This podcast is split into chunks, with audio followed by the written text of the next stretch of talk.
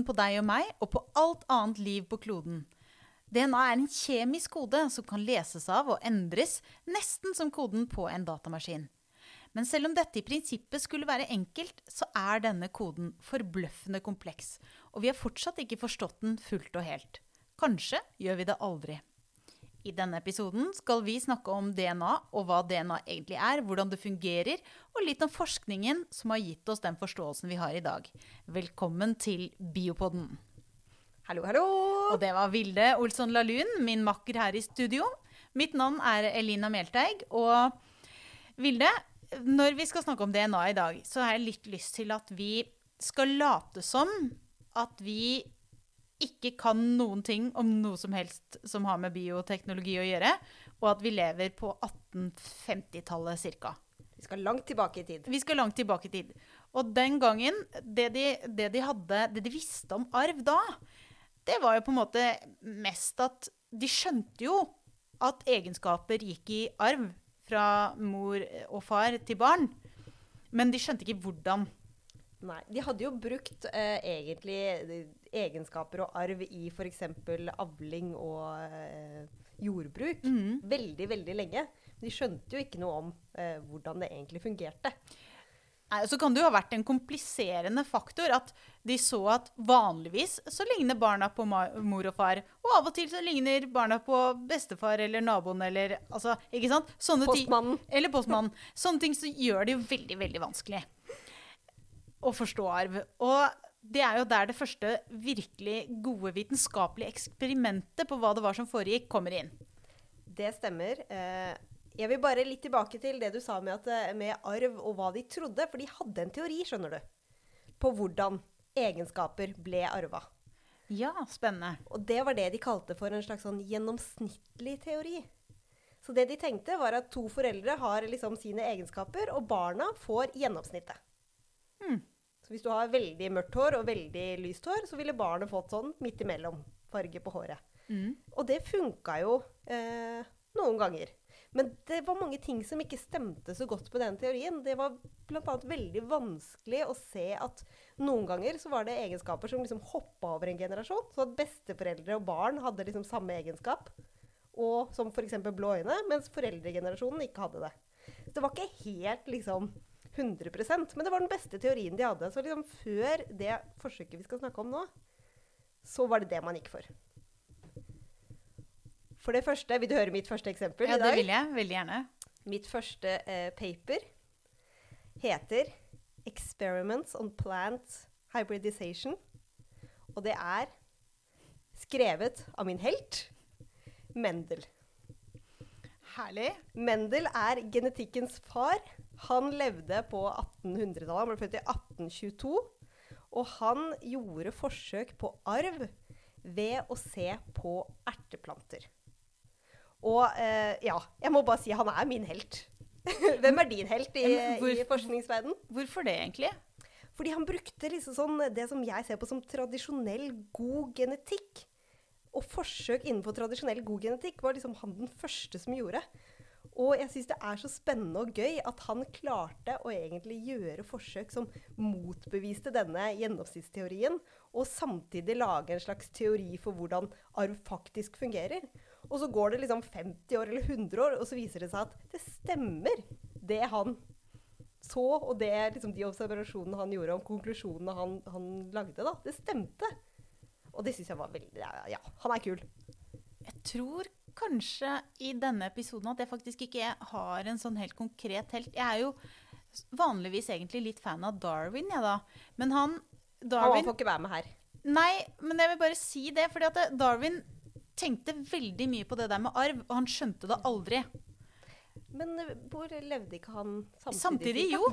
Han gjorde det. Eh, dette var jo omtrent samtidig med Mendel, men de to leste jo aldri hverandres forskning. I hvert fall så leste Darwin aldri Mendels forskning. Og det kan hende at det hadde gitt ganske store konsekvenser for, for resten av forskninga til Darwin. Men han skjønte prinsippene for revolusjon. Han bare skjønte ikke prinsippene for arv, hvordan egenskapene arves. Og det plaget han visstnok, da, har jeg lest. Det var eh, en interessant fakta. Og det er ikke så rart at Darwin ikke, ikke leste forskninga til Mendel. For det Eller var, var ikke så plaga. mange ja, eller var, Men det var ikke så mange som leste forskninga til Mendel. Det var egentlig ingen som trodde på han. Sånn at eh, det var ikke rart at Darwin ikke fikk det med seg, han heller. Nei. Men hva var det han gjorde, egentlig? Ikke sant. Nå begynner vi. For Mendel han eh, kom fra en litt sånn må starte helt på starten. Han kom fra en litt sånn fattig familie, men han var kjempesmart. Og han gikk eh, Når han hadde tid, så gikk han og fikk, eh, fikk eh, undervisning av en professor som visste at familien hans ikke hadde råd til å betale for utdanninga hans, og som til slutt sa 'Jeg vil at du skal bli munk, for da kan du dra til det og det eh, stedet og få god opplæring i liksom, forskning og i matte, fysikk, biologi'. Så det gjorde Mendel. Jeg tror egentlig ikke han hadde veldig lyst til å bli munk, det er bare min personlige oppfatning, men han hadde veldig lyst til å fortsette å studere. Så han kom da til dette klosteret og fikk lov til å fortsette sine studier på eh, mye, bl.a. da biologi. Og det er her vi starter. For Mendel var egentlig interessert i å se hva skjer egentlig hvis jeg tar to individer med forskjellige egenskaper og krysser de sammen med hverandre. Han var, ikke, han var jo selvfølgelig sikkert interessert i arv, men det var ikke hans hovedmål eh, å skulle finne ut av arveteori. Han ville finne ut hva skjer når man lager liksom det man kaller for hybrider. Da. To individer med forskjellige egenskaper som man da krysser sammen. Og han bestemte seg for å gjøre dette på erteplanter, fordi de er lett å jobbe med, og de hadde mange kule egenskaper som man kunne bruke når man liksom skulle lage hybrider. For eksempel F.eks. Eh, blomsterfarge. Da så han på to forskjellige farger, som var lilla og hvit. Han så på eh, plantehøyde. Fins erteplanter som er høye, og så er det noen som er lave. Han så på eh, farge på frøene. Han så på farge på ertebelgene, formen på ertebelgene, og så formen på frøene. Så han hadde mange egenskaper som han ville se på, og mange erteplanter med forskjellige egenskaper. Så det han gjorde, var at han eh, sådde ut alle disse erteplantene. Og så bestemte han seg for OK, hvis, vi tar, eh, hvis jeg nå tar blomsterfarge som et eh, eksempel, så sa han jeg skal prøve å lage en hybrid. Krysse altså morplante med hvite eh, blomster og farplante med lilla blomster. Og det han da gjorde, var at han tok en bitte liten pensel. Så gikk han bort med penselen sin på den lilla blomsten, henta litt pollen, tok med det fine, lille pollenet over til den hvite blomsten og putta det der. Han gjorde bienes jobb, rett og slett. Han gjorde bienes jobb. Så han var da bie i syv år. På over 30 000 planter. Det er jo ganske mye. Og ikke nok med at han da var bie, dette er jo også at han da må se at disse frøene Først lage en liste over hva han har gjort med alle disse plantene. Og så eh, se at frøene utvikler seg, eh, se på hvordan de ser ut. Og også så ut de igjen liksom, i neste generasjon for å se på alle egenskapene til disse plantene. Da. Så dette skapte jo et, et svært forsøk. Hvis vi da går tilbake til blandingsteorien, det, han, det man trodde før, og så ser vi på den enkle tingen som f.eks. blomsterfarge. Ifølge blandingsteorien, hvis du da liksom lager en hybrid mellom en blomst som har hvite og en som har røde blomster, hva tenker du burde skje? Ja, da øh, vil det gi mening at den blir rosa.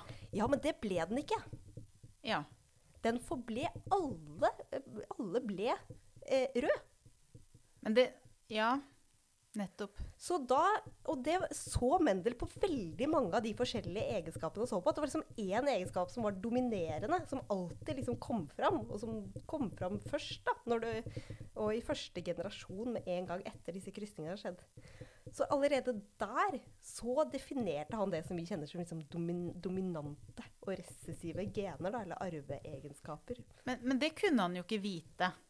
Han kunne Eh. ikke vite at det var gen, eller at det var DNA, men han visste at det var noe som gjør at egenskapen blir dominant. Det er noe som styrer. Ja. Og så Og så sa han hm, men hva skjer nå med disse plantene til neste år? Ja, ikke sant? For du har god tid til et uh, kloster. Ja, når du er kloster, Han holdt jo på i syv år. Ja. Så han holdt jo på med disse planene. Ja, det var 30 000 planter over veldig mange år. Nettopp. Sånn, Og du har jo ikke TV eller noe annet. Nei, nei, nei. Så det ble mye, mye erteplanter på Mendel. Så han sa hva skjer nå med disse plantene til neste år?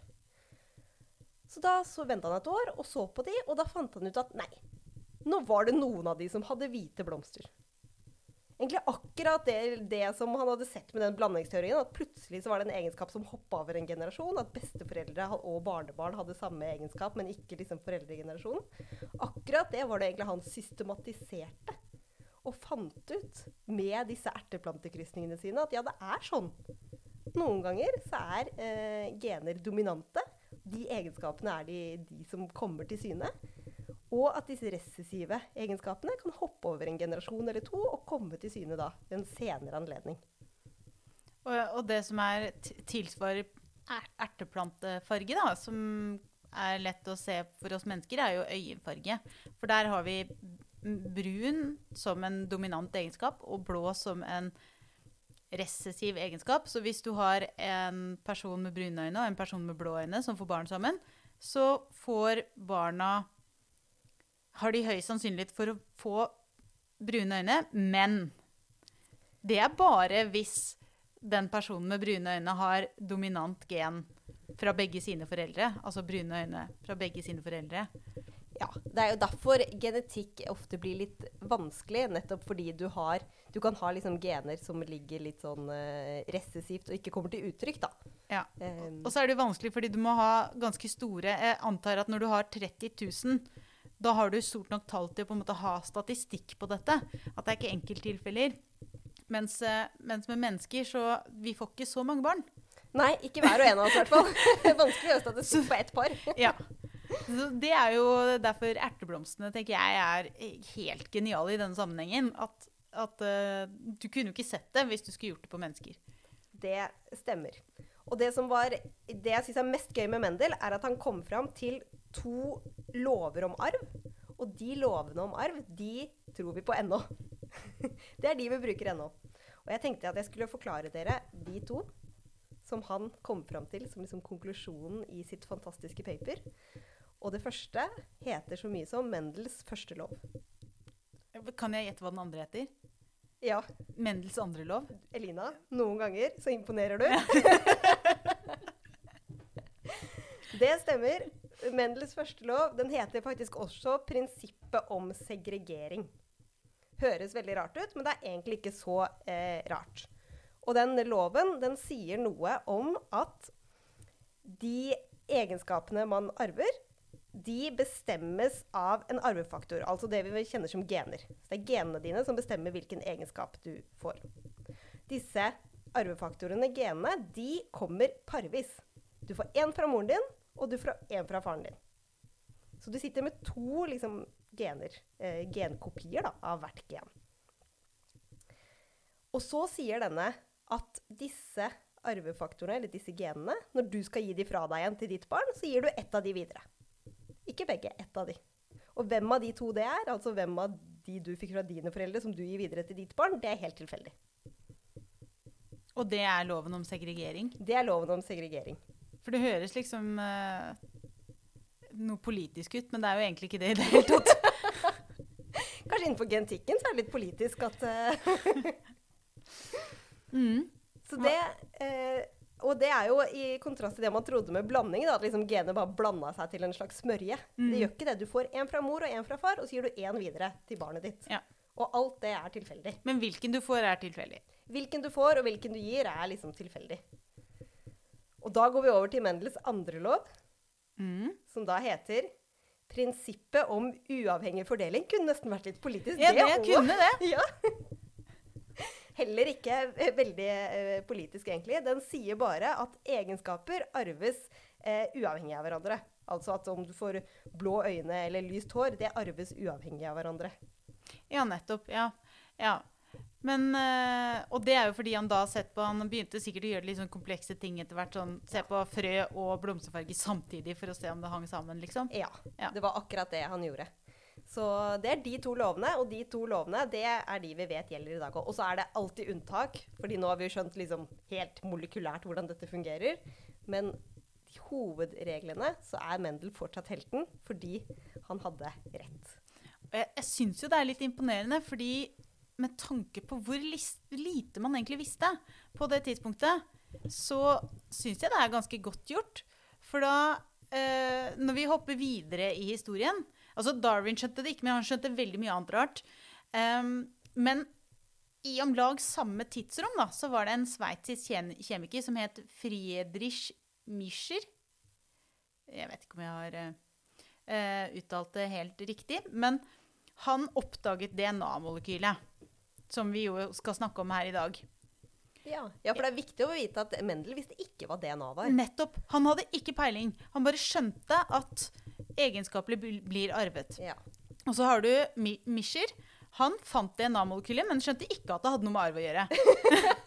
de burde snakka litt bedre de sammen. De burde det. Kommunikasjon er ikke ja. et problem bare i 2021, altså. Um, og så uh, har du en, en, russer som levde ja, 40-50 år seinere. Fobus Levene. Jeg kommer ikke til å det må jeg bare si. Jeg kommer ikke til å ta alle som har liksom gjort noe stort innenfor cellebiologien. Jeg bare kommer til å si liksom noen navn, noen sånne knagger å, å henge de ting på, så man skjønner at eh, det har jo det har liksom skjedd sånne hopp i når, når, man har gjort nye oppdagelser og forståelser. Og så har jeg tatt med noen, men ikke alle. Det er bra. Det er viktig å tenke, eller jeg er jo enig i at den der oppdagelsen av DNA som man til slutt kom til, det var jo mye forskning som lå i mange år. Nettopp. Og så har du jo da det. en som oppdaget DNA-molekylet, men hadde, han hadde filla peiling på hva det var for noe. han bare det her, her, er det noe greier. Jeg vet ikke hva det er. En ubrukelig masse inni hver celle som jeg ikke skjønner hva skal brukes til. ja. Og så har du han eh, russeren som jeg kom til, Fobius Levene. Han skrev over 700 artikler eller brev om biologiske molekyler. Og han analyserte DNA-molekylet, som på det tidspunktet kanskje ikke egentlig het Jeg vet ikke om det het DNA, eller om det navnet kom seinere. Men han analyserte det, og han fant ut hva det besto av. Så han skjønte at det er sukkermolekyler og fosfat og nukleotider. De tingene der, det skjønte han. Og når var dette? Ja, dette er på begynnelsen av 1900-tallet, slutten av 1800-tallet en gang. Eh, og så har du en som heter Oswald Avery. Han fant ut at arvematerialet ligger i DNA-et. Så han klarte å koble disse to tingene sammen og bare Det er der det er. Ja. ja. Og så eh, var det jo mange som etter hvert begynte å forske på litt mutasjoner og litt sånne ting. Vi bare hopper liksom litt fram til 1944. For da var det en østerriksk kjemiker som het Erwin Sjargaf. Og han fant nemlig ut eh, fordi nå har vi Jeg nevnte disse nukleotidene, eller baseparene. Og vi har, ikke, vi har ikke sagt hva DNA står for. Det er opp til deg, Elina. Hva står det for? Å, oh, hurra. Nå fikk jeg den jobben. Ja. Um, Latinske navn og vanskelige ord, det er liksom det du uh, står for. Skal jeg ta litt sånn sats? Ja. DNA, det står for deoksyribonukleinsyre. Du klarte deg veldig fint. Nesten en applaus for den. Ja, takk, takk. Eh, altså, hvis vi nå er i 1944, da, og så har man begynt å skjønne at eh, arv det, det, henger på dette molekylet. Og man har skjønt at dette molekylet består av noen sukkermolekyler og fosfatgrupper som henger sammen. Og så er det fire såkalte base, baser. Og det Shargaf eh, gjorde, var at han så på mengden av disse baseparene. Og de fire basene er adenin, tymin, cytosin og guanin. Og så begynte han å gjøre målinger på hvor mye som var eh, av disse baseparene i ulike organismer. Og så skjønte han at det er en regel som heter Sjergovs regel, som kom ut av det. Og det var at han skjønte at det er, like, det er alltid like mye adenin og tymin. Og så er det alltid like mye cytosin og guanin, så de baseparene hører alltid sammen. Men det er baseparpar, på en måte? Ja. Disse kan variere, så la oss si at det er 40% adenin og tymin i én art, og så er det kanskje 60% i en annen art. Så han skjønte at de, de opptrer i par. De kommer alltid i like store mengder. Men mengdeforholdet mellom AT og CG, som jeg har lyst til å kalle det, det varierte. Så han skjønte på en måte litt at ok, det er noe, det er, det er noe av koden til arvematerialet er, ligger i det. Her er det noe greier. Det her er jo som å være på skattejakt. Ja, det er det. Men det var De skjønte ikke hvordan dette her hang sammen, ikke sant? Og veldig mye av nøkkelen til det var jo i oppbygningen av dette molekylet. DNA. Men det var ingen som skjønte. Og så, var det, så begynte de å forske på det. For å se på For å finne ut oppbygninga. Ja. Den kjemiske strukturen, liksom. nettopp hvordan så det ut. For det var det ingen som visste. Og de tenkte at hvis vi bare vet hvordan, hvordan de er bygget sammen, disse baseparene, hvordan disse klossene henger sammen, da kan vi begynne å forstå hvordan disse egenskapene kan arves videre. Så det var jo en kjempegåte. Tenk å være forsker på 40-50 Det må jo ha vært sykt spennende. Og så har du da Linus Pauling. Eh, han er en amerikansk biokjemiker. Og han jobbet veldig mye med å forstå tredimensjonale strukturer til, eh, til molekyler. Altså liksom avstand og vinkel mellom molekyler. Og det fantes metoder for å, for å se på disse tingene. Og han eh, kom med et forslag for hvordan dette skulle se Han og mange andre kom med forslag. Og et av de forslagene det gikk ut på at det er, eh, det er tre sånne på en måte tråder som er bygget opp av disse fosfatgruppene og sukker. Og så er liksom disse baseparene mellom disse tre trådene. Em, det var ett forslag, og så var det noen som foreslo at liksom disse trådene av eh, fosfatgrupper og sukker de er i midten, og så er liksom baseparene rundt på en eller annen måte. Og det var litt forskjellige forslag. Men det var ingenting som som hang ordentlig sammen.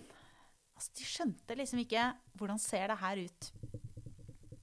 Og det er jo her den ganske så kjente nobelprisen til Watson og Crick kommer inn i bildet. De er kjente. De er kjente. Eh, og de fikk nobelprisen i 1962. Men den artikkelen som på en måte virkelig gjorde dem verdensberømte, den kom ut i 1953. Og vi pleier jo å ta for oss artikler, så da har jeg tatt for meg denne artikkelen. Og det er en av de kjedeligste artiklene jeg har lest. Er det sant? Ja, den er veldig veldig kort. To sider. Veldig enkel og grei. Den starter veldig herlig med at de disser eh, de andre forslagene. Og så sier de sånn Er det sånn tre sånne ha-ha-ha? Ja, nærmest. Ja. Ja. Eh, men de, altså, det er ikke så arrogant. Men det de gjør, er at de skriver, skriver at dette kan jo selvfølgelig ikke stemme. Fordi nå får du negative ladninger fra begge molekylene i midten, og det vet vi jo alle at frastøter hverandre. Ja. Ja.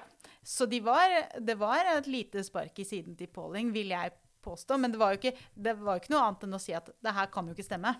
Så de hadde en to sider artikkel og brukte halvparten på å si at andre sitt forsøk var feil. Ja. Eh, men, men sånn er jo vitenskapen. Det er jo, og så går de videre og argumenterer for at det må jo være sånn her. Og sånn her, eh, det er jo Det er ikke De hadde jo brukt ganske lang tid på å pusle sammen dette her og, og se på og prøvd å bygge en modell for å liksom forstå virkelig hvordan det så ut. Og de satt og klødde seg i hodet. Men det som virkelig gjorde at de skjønte tegninga, det var på en måte en tegning, holdt jeg på å si, et bilde som var tatt av en som het Rosalind Franklin. En dame som drev med røntgendiffraksjon. Og hun hadde tatt et bilde av DNA-molekylet. Hva er røntgendiffraksjon? Det er på en måte Du sender inn røntgenstråler, og så ser du litt hvor de spretter hen.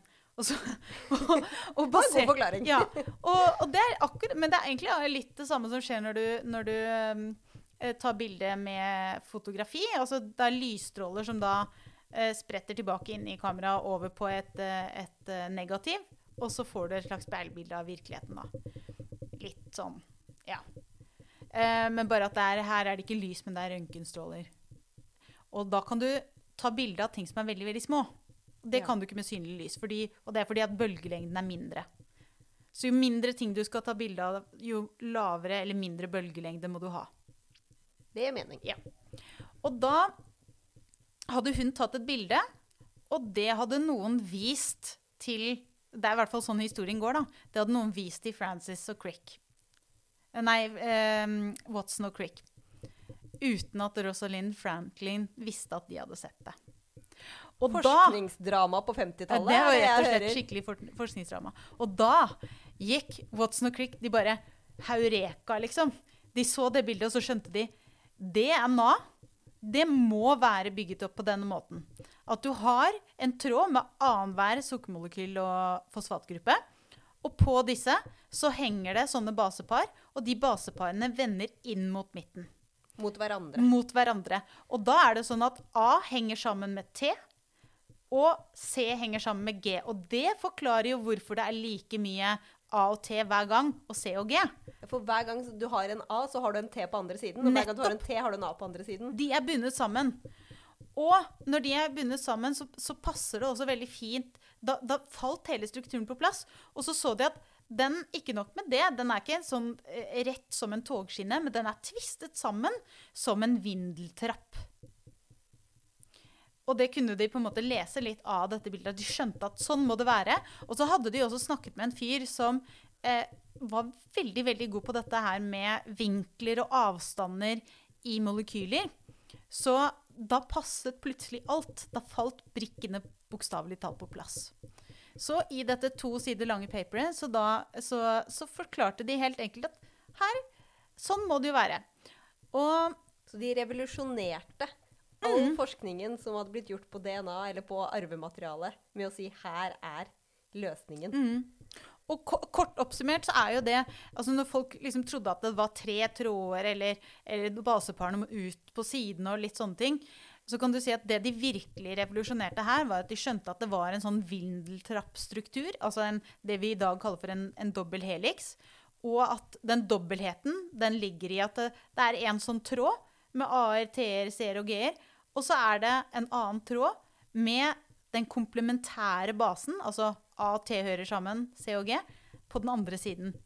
Og det er jo det de egentlig kaller, eh, kaller eh, at det, det er derfor de kaller, sier at det er en dobbelthelix. For de kunne vært enkelttråder, ikke sant? Ja.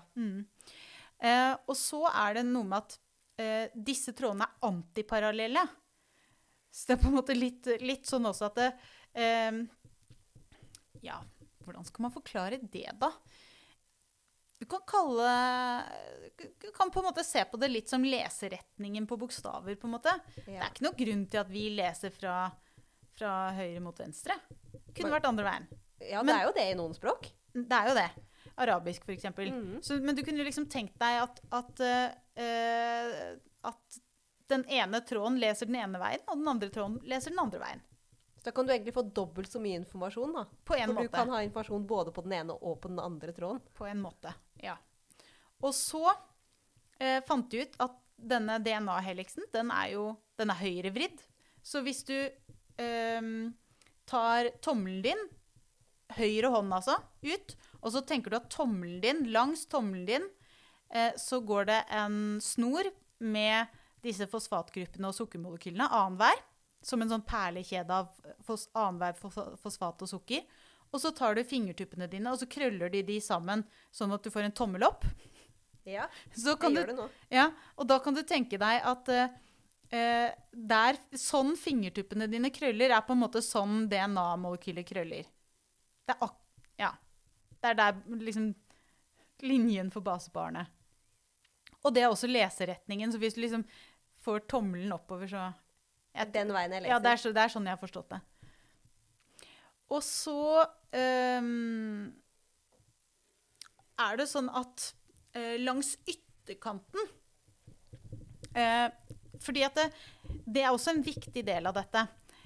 De så på disse baseparene, og så så de at midten av denne vindeltrappestrukturen A-en henger sammen med T-en gjennom noe man kaller for hydrogenbindinger. Og det er veldig veldig svake bindinger, men hvis det er mange av dem, så er de på en måte litt sånn sammen er vi sterke tendenser. Det liker vi. Ja, Så det gjør det stabilt, men det gjør, det, gjør samtidig at det er ikke Hvis du vet hvordan, så er det ikke så vanskelig å bryte den A-en og den T-en fra hverandre. Altså, du kan bryte de to liksom eh, Så vind, Trådene. Ikke sant? For det er ikke så hugget i stein som en vindeltrapp. Ja. Det er rett og slett litt mer som en vridd glidelås. ja, som du kan glidelåse opp når du trenger det. Nettopp. Og så så de også at det var sånne hydrogenbindinger på utsiden av denne vindeltrappen eller glidelåsen også. Og det tror jeg kanskje vi skal komme litt tilbake til, men, men de skjønte i hvert fall at dette er noe gra, bra greier. Det har noe å si. Vi skjønner ikke helt hva på dette tidspunktet, men, men det har antagelig noe å si. Og før vi fortsetter historien, så vil jeg bare si at disse fikk jo Nobelprisen i eh, i kjemi drøye Eller eh, medisin og fysiologi, unnskyld. Drøye ti år seinere. Og man kan jo kanskje si at hun Rosalind Franklin, som hadde tatt dette bildet, som gjorde at de skjønte det, Hun burde vært med. ja. Men hun døde fire år før. Og det er jo en sånn ja, veldig mange som sier at ja, men hun burde fått nobelprisen. Ja, det burde hun, men hun var ikke i live på det tidspunktet. Og det er jo en regel for å kunne få nobelprisen, at man må være i, i live. Ja. Um, men da har vi i hvert fall kommet dit at de har skjønt strukturen. Og, og herfra tar det jo egentlig bare helt av. Det tar helt av. Og det som er gøy med eh, den strukturen som du nevner nå, det forklarer jo også hvordan man kan bruke liksom den ene tråden, eller man kan dele trådene, og bruke hver sin tråd for å kopiere opp DNA. Mm, for den er jo lik på den andre siden. Ikke sant, Den er lik på den andre siden, så du, den vet jo at Eller, du har nei, én nei, tråd. den er ikke lik. Den, Komplementær. ja, Ja, veldig veldig viktig, viktig forskjell. Så hvis du da har én tråd, og det er en, en C og en T der, så vet du at på den andre tråden skal det være da en G og en A. Nettopp.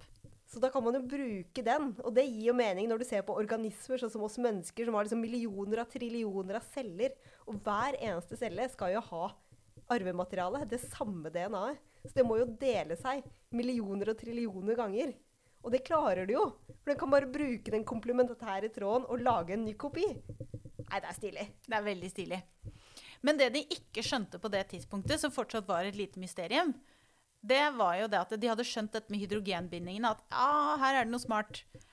Eh, men de hadde jo ikke helt skjønt hvordan, hvordan dette kunne liksom Akkurat hva er det som skjer? Hva er det som gjør at koden er lagret der?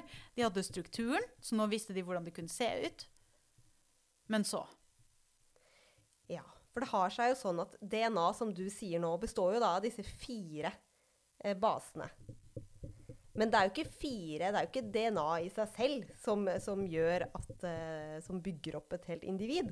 Vi mennesker, eller dyr eller planter, er jo laget av alt mulig rart. Fra liksom fett til vitaminer og proteiner. Og, og, og hvordan går man fra DNA til egentlig de egenskapene og de tingene man trenger for å lage en organisme?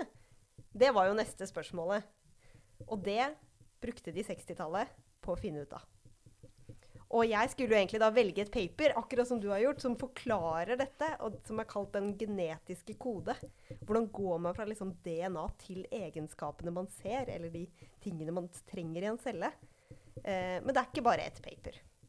Det er Nei, det er mange. 10 000. Det er helt sikkert 10 000. Eh, I hvert fall veldig, veldig veldig mange. Det var liksom Hele forskningsfeltet var på å finne ut av denne koden. Eh, så jeg har ikke tatt for meg ett felt, eller ett paper. Jeg hadde lagd en litt sånn blanding inni hodet mitt. og hadde tenkt å heller forklare hvordan går man faktisk fra DNA til en organisme med helt spesifikke egenskaper. Så hvordan leser man av oppskriften? Hvordan leser man av DNA-oppskriften? Det er akkurat det jeg tenkte man skulle gå eh, igjennom.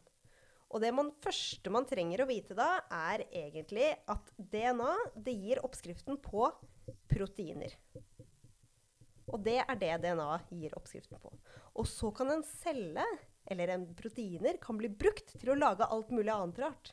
Proteiner er liksom som slags eh, små maskinerier som kan bli brukt, eh, gjerne sammen med andre ting, men ofte også alene, til å lage ting vi trenger, som f.eks. fett eller Ikke sant? Så du kan aldri lage fett direkte fra DNA. Du, du lager et protein som lager fett. Ja. F.eks. Eh, øyenfarge, så lager du et protein som lager et pigment brun, og så får du brun øyenfarge. Nettopp. Så eh, proteinene er på en måte eh, fabrikkene. Ja. Det, det, de er Altså, hoved... Eller hva skal jeg si Ikke det heller, egentlig, men, men det er på en måte de som iverksetter og gjennomfører oppskriften. Ja. Så du kan se for deg at du har liksom DNA, og DNA gir oss da koden for proteiner. Og proteiner eh, de gjennomfører ting i cellen. Og så er det alltid unntak fra regelen. Så du har også noen andre ting, som f.eks. RNA, som noen kanskje har hørt om i det siste, som også kan gjennomføre oppgaver.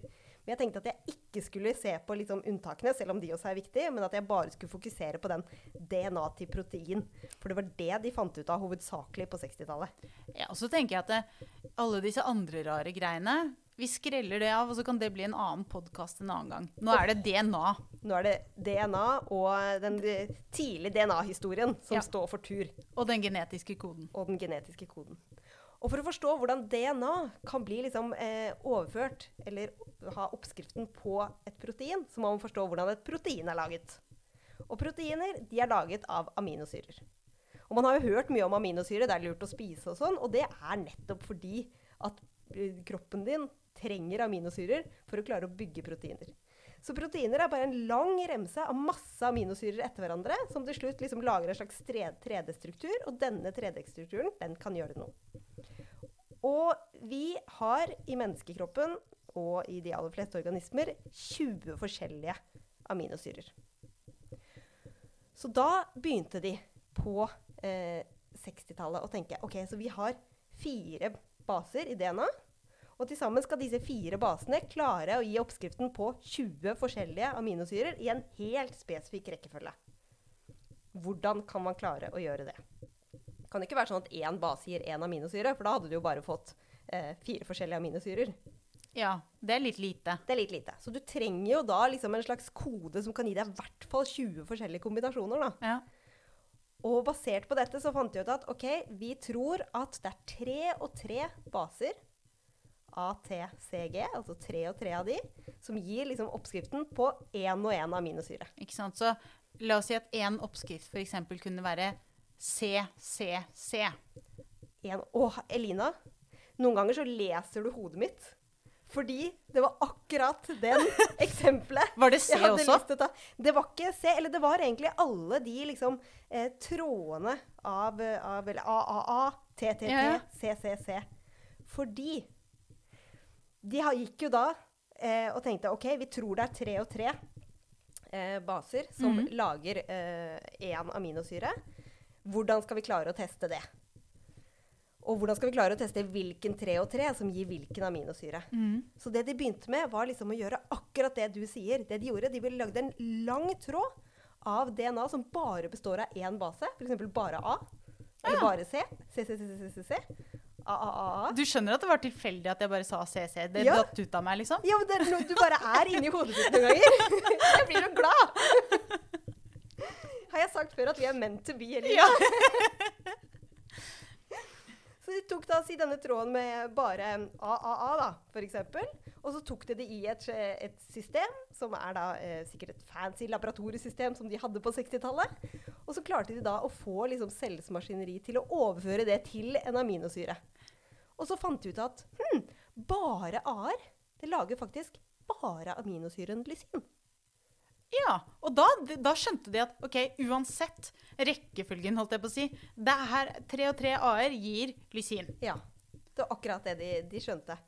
Og for eksempel, og så gjorde de Men de visste jo ikke om Det kunne jo være fire og fire. Eller fem og fem. De visste ikke det sikkert, kanskje. Det visste de ikke sikkert, men de hadde jo en teori på det. Ja. Og så fant de ut at når de da bare har A-er etter hverandre, så lager det lysin fantastisk. Da er vi på liksom riktig. Ja. Og så begynte de å endre med å lage f.eks. Eh, tre A-er, og så en CAA, og så tre A-er til. Og så så de hva de fikk. Og basert på å liksom endre alle mulige eh, forskjellige baser i et sånt system hvor de kunne analysere hvilken aminosyre de fikk da i ettertid, så klarte de sakte, men sikkert, og litt etter litt, og noen artikler som jeg har sett på, fant kanskje bare ut av én ny kode, eller kode tre og tre baser som ga en aminosyre. Men til syvende og sist så klarte de å finne da oppskriften på hele den genetiske koden. Som da stemmer at består av tre og tre baser, som gir da én aminosyre. Og når vi har da fire eh, forskjellige baser man kan bruke om, så gir det da 64 forskjellige liksom eh, Man kaller det et kodon. Man må nesten introdusere begrepet kodon. Mm. Så tre og tre baser kaller man for ett kodon. Og ett kodon gir én aminosyre. Nettopp. Og vi har da 64 forskjellige kodon i Men- vårt DNA. Men vi har jo bare 20 aminosyrer. Så det betyr at eh, Hva gjør du med alle de mulige kombinasjonene som ikke gir en aminosyre? Det som er gøy med det, er at du har flere kombinasjoner som gir samme ditt igjen? Ja, du var det! Jeg ser det Det på deg! Du bare lyste. opp. jeg satt og tenkte sånn Hvordan skal jeg komme nå videre? Og så bare gjorde du det for meg. Nei, det er bra, Elina. For tingen er, og noe som er veldig gøy, det står i notatene mine, det er flere kodon 64 enn aminosyre 20. Så mange kodoner gir samme aminosyre. Så ofte så har du liksom kanskje fem forskjellige kodon som, som gir deg samme aminosyre på slutten. da. Og det er eh, hvordan man går fra egentlig DNA til et protein, og hvordan da proteiner, som består av aminosyrer, kan da gjøre ting i kroppen vår og gi oss de egenskapene som vi trenger. Og så må jeg si, da eh, Dette er liksom molekylærbiologen i meg som må si at dette er en veldig sånn forenkla eh, versjon. Fordi det som egentlig skjer, er at DNA-et ditt, i hvert fall i plante- og menneskeceller, så ligger jo da sånn komplekse celler, så ligger jo DNA gjemt inni en slags kjerne som er liksom beskytta av en slags membran. Ikke sant? Du må jo ha en brannmur for uh, programvaren din. Ja. Og inni den kjernen der, ja, der ligger alt DNA, og inni der lager man ikke proteiner. Nei, det Protein- vil, jo- det vil bli jeg, jeg tror Det du fort.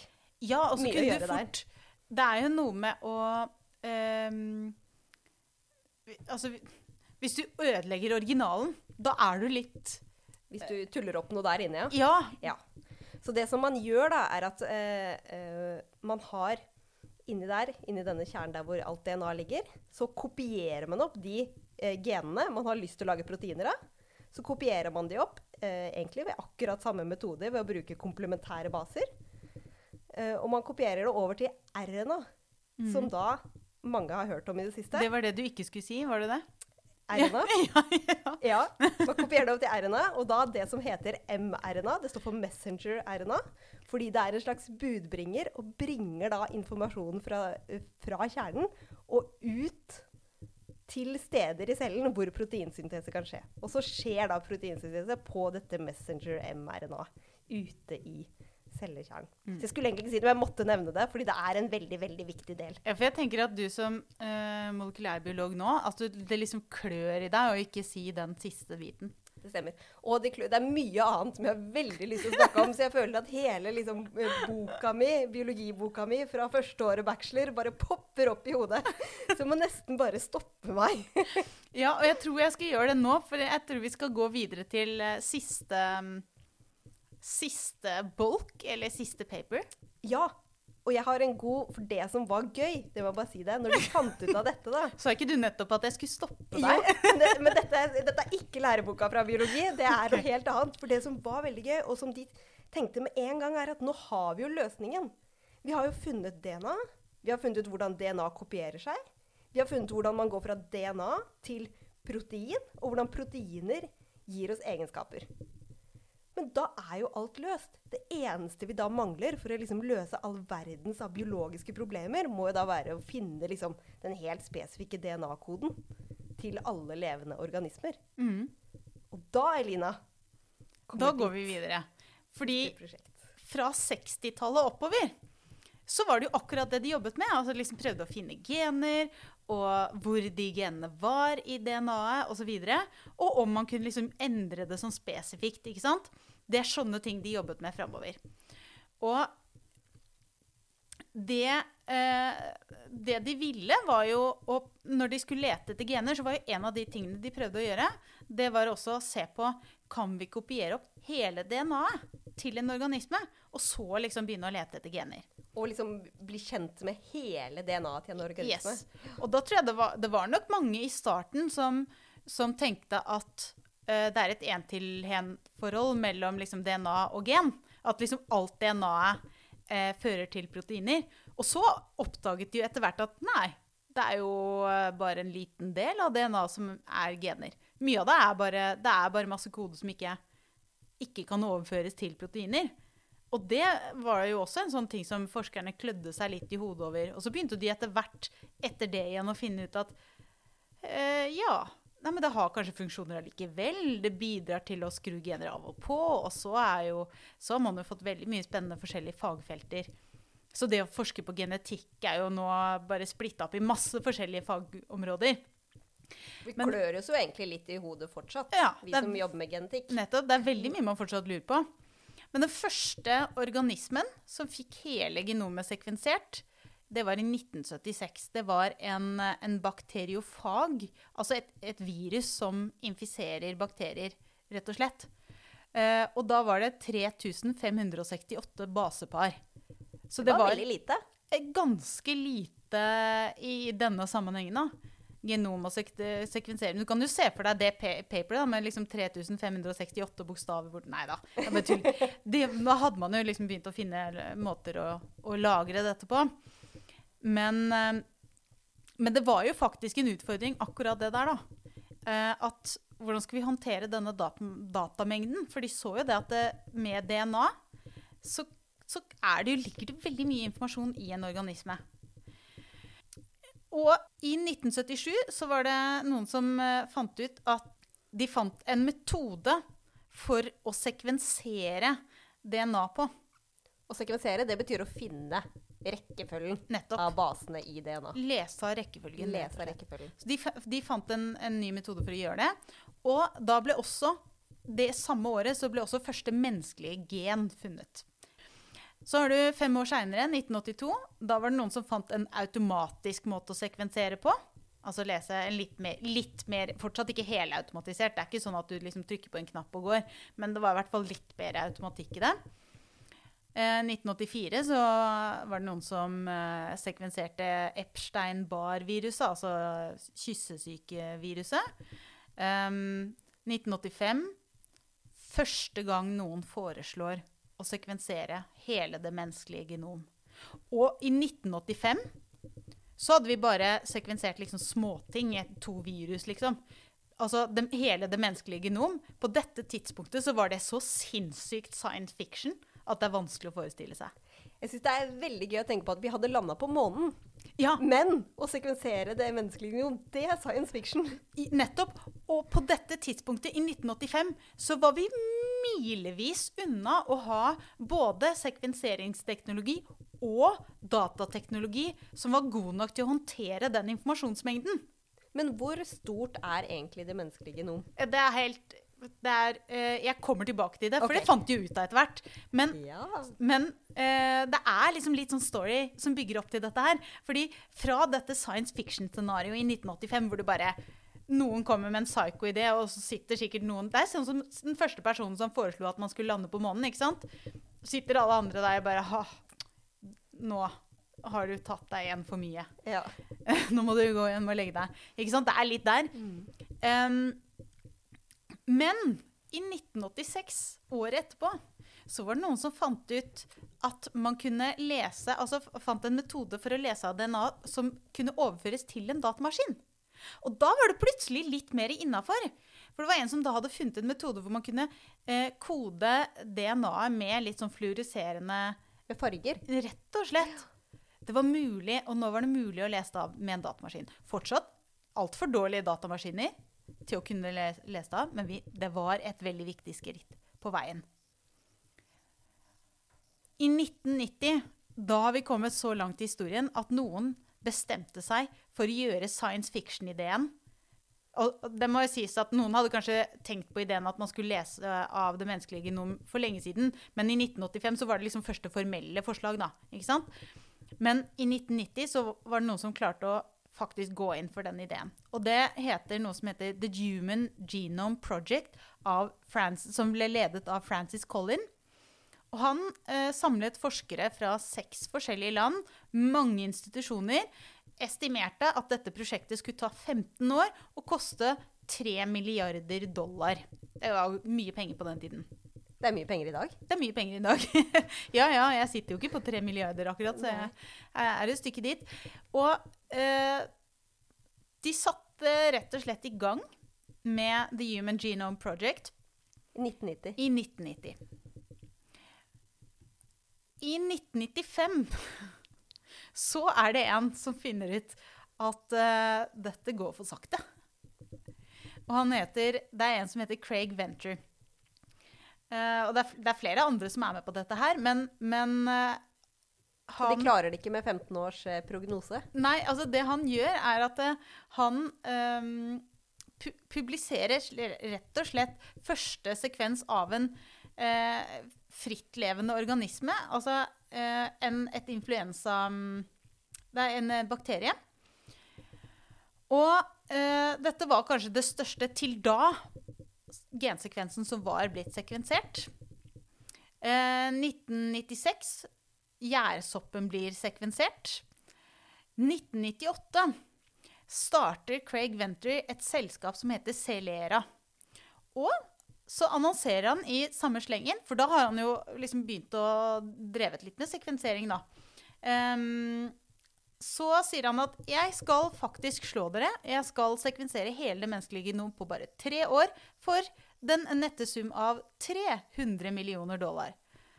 Så det ble konkurranse? Det ble rett og slett konkurranse. Det er ganske, Når noen sier de skal gjøre det på 15 år, og så sier han 'jeg bruker bare tre år', jeg. Det er ganske drøyt. Det er ganske drøyt. Det er mye intriger.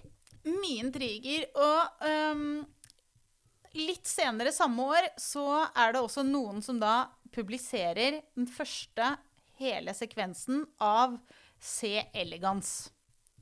Den berømte ormen. Um, og da uh, har vi jo eh, Skal vi se, er det fire-fem organismer vi har sekvensert uh, så langt i historien. Uh, og mennesket tar 15 år å sekvensere. Ehm, I 2000 så publiserer Celera genomet til Drosophila melanogaster, altså fruktfluen. Og da har de brukt en metode som heter shotgun-metoden. Som, eh, som de hadde funnet på underveis i dette racet for å sekvensere hele det menneskelige genom. Og shotgun-metoden går rett og slett ut på at du skyter eh, Du tar et eh, La oss si et kromosom, altså en, en bit av DNA eh, en, en hel bit av DNA-molekylet. Og så skyter du på den med en laser eller et eller annet, så den går i stykker. Og så leser du av. Alle de små bitene, liksom. Ja. Og da er det sånn at du må gjøre dette på en måte som gjør at det er overlapp.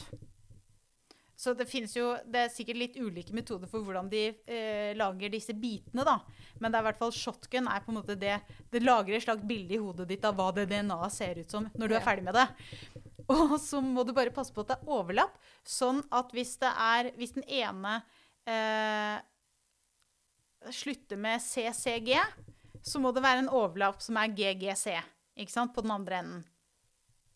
Ok, ja, Sånn at du alltid klarer å, å lappe det sammen igjen Nettopp. etterpå. Og på dette tidspunktet så brukte de jo datamaskiner til De lagde rett og slett programvare som klarte å gjøre denne sammensetningen igjen. Og det er jo egentlig her veldig mye av den utviklingen Selve paperet, som ble publisert i, i 2001, eh, det er jo egentlig ikke så fryktelig spennende. Eh, fordi det er jo bare Altså, det er bare en, en, Det er veldig mange sider med, med baser etter hverandre. ja, med veldig mange sider med veldig mye metode. Uh, men det som er spennende, er jo alle de metodene som de har utviklet, og det de har funnet ut for å klare å gjøre dette. Det er egentlig det som er milepælen i dette prosjektet. Men det du sier, er at han klarte å slå de andre, da? Og publisere? Nei, De andre skulle jo bruke 15 år. Eh, Human Genome Project fikk jo også etter hvert opp farta. Altså, de fikk dårlig tid fordi de fikk noen som pressa litt Nettopp. Så i 2001, bare elleve år etter, så publiserte de en, en så førsteutkast til paperet sitt 15. februar, og dagen etter så publiserte Celera. Uh, okay, og Craig de var Venture. helt likt. Ja, og så er det, hører med til historien at de på et eller annet tidspunkt så fant de ut at det kanskje gikk enda fortere hvis de samarbeida. Ok, så Ja. de samarbeida litt på slutten. Ja. Ja. Og så kom det to år senere eh, de siste justeringene i, i dette utkastet. Nøyak, ganske nøyaktig 50 år etter artikkelen fra Watson og Crick. Og det er litt magisk. Det er magisk. Det er fint. Ja. Og, og ikke bare nok med det, det er sjelden dette skjer noe sted i verden, men de ble fortere ferdig enn de hadde planlagt, og det ble billigere enn de hadde planlagt. Og det ble billigere òg. Ja. Ja. men så gøy. Hva ble slutt, den nette sluttsummen av eh, menneskegenomet? Ja, ikke sant? Hva, hvor mange baser ble det? Ja. Eh, 2,91 milliarder basepar. ja. Mm. Så hvis vi sammenligner med den der eh, første organismen som var 3000 og noe, så ja. Ja, det, det er ikke å skulle lappe sammen. Jeg tror jeg leste et sted at denne shotgun-metoden den lager eh, liksom, eh, lengder på mellom 300 og 1000 basepar av gangen. Så det betyr at du har liksom, fragmenter på mellom 300 og 1000 basepar, og så skal du klare å lappe det sammen ved hjelp av overlappende domener til Hvor mye var det du sa? 2,91 milliarder, ja. Så du kan si at dette prosjektet kunne ikke vært gjort på noe annet tidspunkt i historien. Du måtte gjøre det på et tidspunkt hvor du kunne ha datakapasitet nok til å behandle dette her. Og hva gjør du da? Nå, sitt, nå, nå var vi i en situasjon hvor det var et race for å få dette her til. Fordi alle trodde jo at når vi har hele det menneskelige genom, da kan vi finne alle sykdommer, og det kommer til å bli en medisinsk revolusjon. Og så, og så var det på en måte litt sånn Ja, nå sitter vi her, da. Vi har eh, sekvensert det menneskelige genom, og vi skjønner egentlig ingenting. Ja, for det var, Ja, vel det de kom, ja, det var vel det de kom fram til. At ja, den teorien de hadde, det som jeg snakka om i Ja. stad, med at du har ett gen som da eh, liksom eh, har oppskriften på ett protein, og dette ene proteinet gjør én ting. Så det betyr at da kan man liksom gå sånn, ha en rett linje i biologien for å finne ut hvor har det gått feil, hva kan vi gjøre med det. Og så når de da hadde sekvensert hele det menneskelige genom og mange andre store organismer som fruktfluen og alle de andre, så fant de ut at det er jo ikke sånn. Jeg, jeg ser for meg at det de egentlig trodde det var sånn Yes, vi er ferdig med den kjempestore jobben. Og, og de trodde de skulle skjønne masse. Og så bare Nei. Vi, nå er det Det er jo bare enda mye mer forvirrende og komplekst enn vi trodde, jo. Det er liksom det de sitter igjen med. I hvert fall sånn, det jeg leser, leser ut av det her, da. Fordi så begynte de jo å lete etter genene.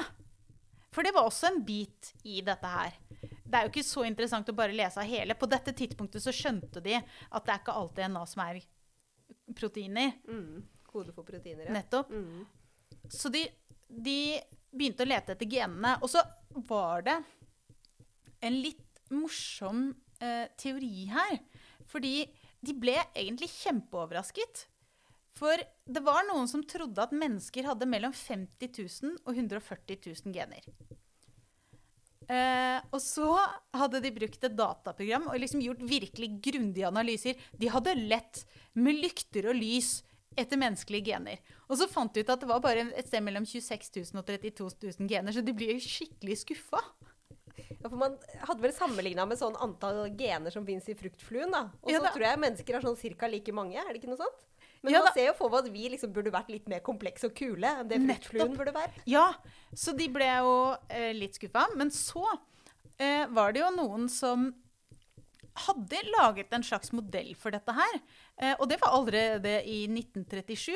Eh, så var det Haldane. Han hadde jo en teori om at en populasjon må betale en pris for antall gener det er mulig å bære på.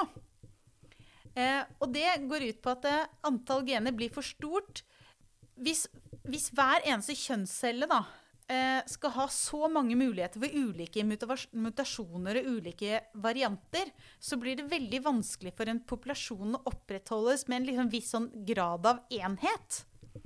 Så det er rett og slett eh, Datamengden blir for kompleks for cellen, da, kan man nesten si. Ja, Hvis du har altfor mange gener. Nettopp. Derfor så har vi ikke så mange gener. Så han eh, regnet ut at et pattedyr antagelig burde ha maks eh, 30 000 gener. Det, det var noe sånt som var nevnt i paperet.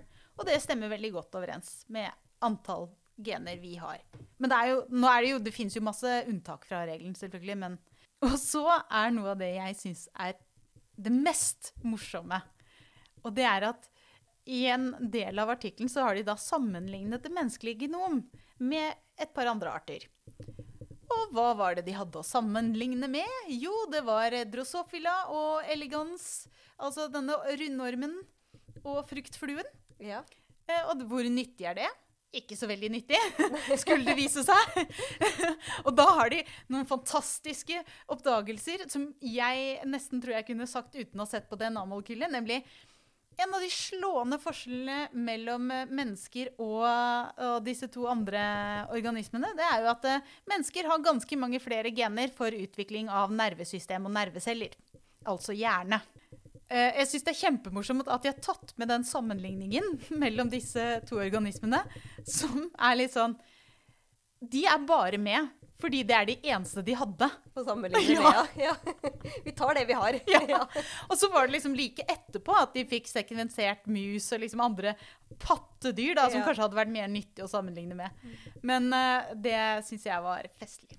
Det er veldig festlig. Og det er, eh, jeg syns det er veldig gøy det du sier med at de trodde at de skulle eh, vite alt, når de da klarte å sekvensere hele det menneskelige genom. Og så egentlig så sitter man igjen med flere spørsmål enn svar. Ja. For vi klarte ikke svare på så veldig mye, selv om vi hadde hele det menneskelige genom. Men det de gjorde som var vanvittig bra i denne artikkelen, det var jo De fant nye metoder. eh, De fant ut ganske mye om DNA-molekylet som, som struktur. Så, og de fant veldig mye metoder for databehandling. Altså databehandling for biologisk materiale. Og det tror jeg ikke de kunne gjort. For det første tror jeg ikke de kunne gjort det på noe annet tidspunkt i historien. Og jeg tror ikke de kunne gjort det uten å samarbeide så mange forskere imellom. Og samarbeide i seg selv er også på en måte nytt, fordi ja, før det så Det er jo på en måte akkurat da internett liksom slo an. Så det var jo banebrytende, dette prosjektet, på veldig mange områder.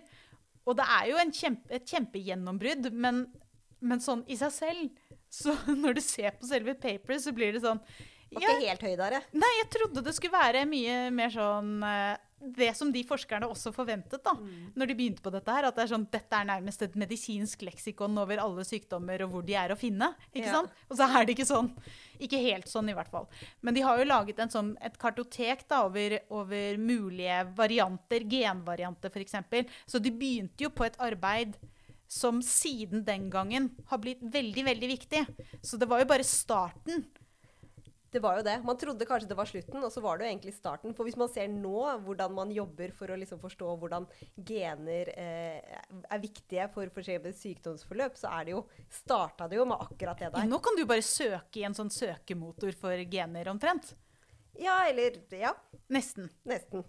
Er litt, litt er- mer Man har jo funnet ut det. at det er veldig komplekst. Da, at mange gener koder for mange forskjellige proteiner, og mange av de områdene i DNA som ikke er, gir oppgave til proteiner, de er jo kjempeviktige for sånn, det vi kaller for regulatoriske områder, da, som bestemmer liksom, når gener skal bli proteiner, og når de ikke skal. Så det er liksom en sånn kompleks leksikon av ting som bare jobber sammen. Og så må vi klare å nøste opp i alt dette for å få svarene på sykdommene våre, eller på de utfordringene vi ser. Da. Så jeg tror ikke vi blir arbeidsledige med det første eh, på sånne ting. Det tror ikke jeg heller. Men eh, det er masse vi kunne sagt om uh, ting man gjør på DNA i dag. Men jeg tror vi skal begynne å runde av litt. Har du lyst til å begynne med fun facten? Jeg har veldig lyst til å begynne med min fun fact, fordi vi skal tilbake til min helt. Mendel. Yes. Vi, vi starter med Mendel, og jeg slutter med Mendel. For det har seg sånn at Mendel gjorde jo disse forsøkene, som jeg nå har nevnt så mye om at jeg syns var så banebrytende. Og det som er fun facten, som ikke var så fun for Mendel, var jo at han presenterte dette på et, eh, en stor konferanse. Reiste og presenterte dette. Og folk syntes det var skikkelig teit. Så de trodde ikke på han i det hele tatt. Og han fikk liksom gitt ut eh, artiklene sine og sånn, men han hadde ingen som leste eh, artikkelen hans. Så det ble ikke noe kjent, det han gjorde. Og så døde han, og så gikk det 16 år. Og 16 år etter at han døde, så tror jeg det var tre forskjellige forskere fra forskjellige steder i verden som fant ut av akkurat det samme som Mendel, og som gikk tilbake og da nøsta opp og fant eh, artikkelen til Mendel og sa nei, men han visste dette for 50 år siden, han. Og da ble Mendels forskning banebrytende. Men han fikk aldri oppleve selv. Nei, og han men sa selv i de siste årene sine at en eller annen gang i fremtiden så kommer folk til å skjønne hva jeg har gjort. Og det stemte jo. Det det var en litt trist fun fact, men det er litt gøy å vite at eh, man kan liksom få creds av ting i senere tid. Ok, men hva er din fun fact? Ja, jeg har på en måte gått litt mer til eh, nåtid slash framtid, Ja. Fordi at uh, i eh, februar 2019 så kom det et ganske interessant uh, paper uh, med at det er noen som faktisk har laget syntetisk DNA. Altså vil si syntetiske basepar. Så der vi har disse fire forskjellige baseparene i dag, så er det noen som har laget nye baser og funnet ut at de kan putte dem inn i et DNA-molekyl, og de kan leses av. Og det betyr at man, liksom, hvis man skal se matematisk på DNA-molekyler, så har man på en måte et slags firetallssystem. I eh, dette nye systemet så kan du da få et åttetallssystem. Så det betyr at du kan lagre veldig, veldig, veldig mye mer informasjon på veldig, veldig, veldig mye mindre plass. Så um, Det var veldig fancy. ja, veldig fancy. De første syntetiske basene ble laget allerede på 80-tallet, så de kunne gjøre dette ganske tidlig. Men det er først i 2014 at de ble satt inn i en levende organisme, og de sa at OK, ja, du kan ha syntetisk DNA inni en levende organisme. Og så har de nå laget hele fire av disse og funnet ut at du kan få stabilt DNA med disse fire nye, helt syntetiske basene. Og dette kalles da for et Hachimoji-DNA, rett og slett. Hvor Hachi er åtte, og moji er tegn. Emoji. Emoji. Ja, det Det var japansk. stilig. Og jeg, jeg tenker sånn på all informasjonen man klarer å lage i DNA. Tenk når man kan gange det med fire, eller opp, opphøye det i fire ganger mer. Det må jo være helt ekstremt. Det er ganske ekstremt. Og det stopper jo ikke der heller. Altså, de ser jo for seg at de de skal kunne lage ti syntetiske basepar, eller kanskje tolv. Så det tar jo bare helt av. Nesten så vi må ha en uh, pod. Egen pod om det. Det Egen tror jeg nok. Ja. Med det så tror jeg vi takker for oss. Vi ses neste uke. Takk for i dag. Ha det bra.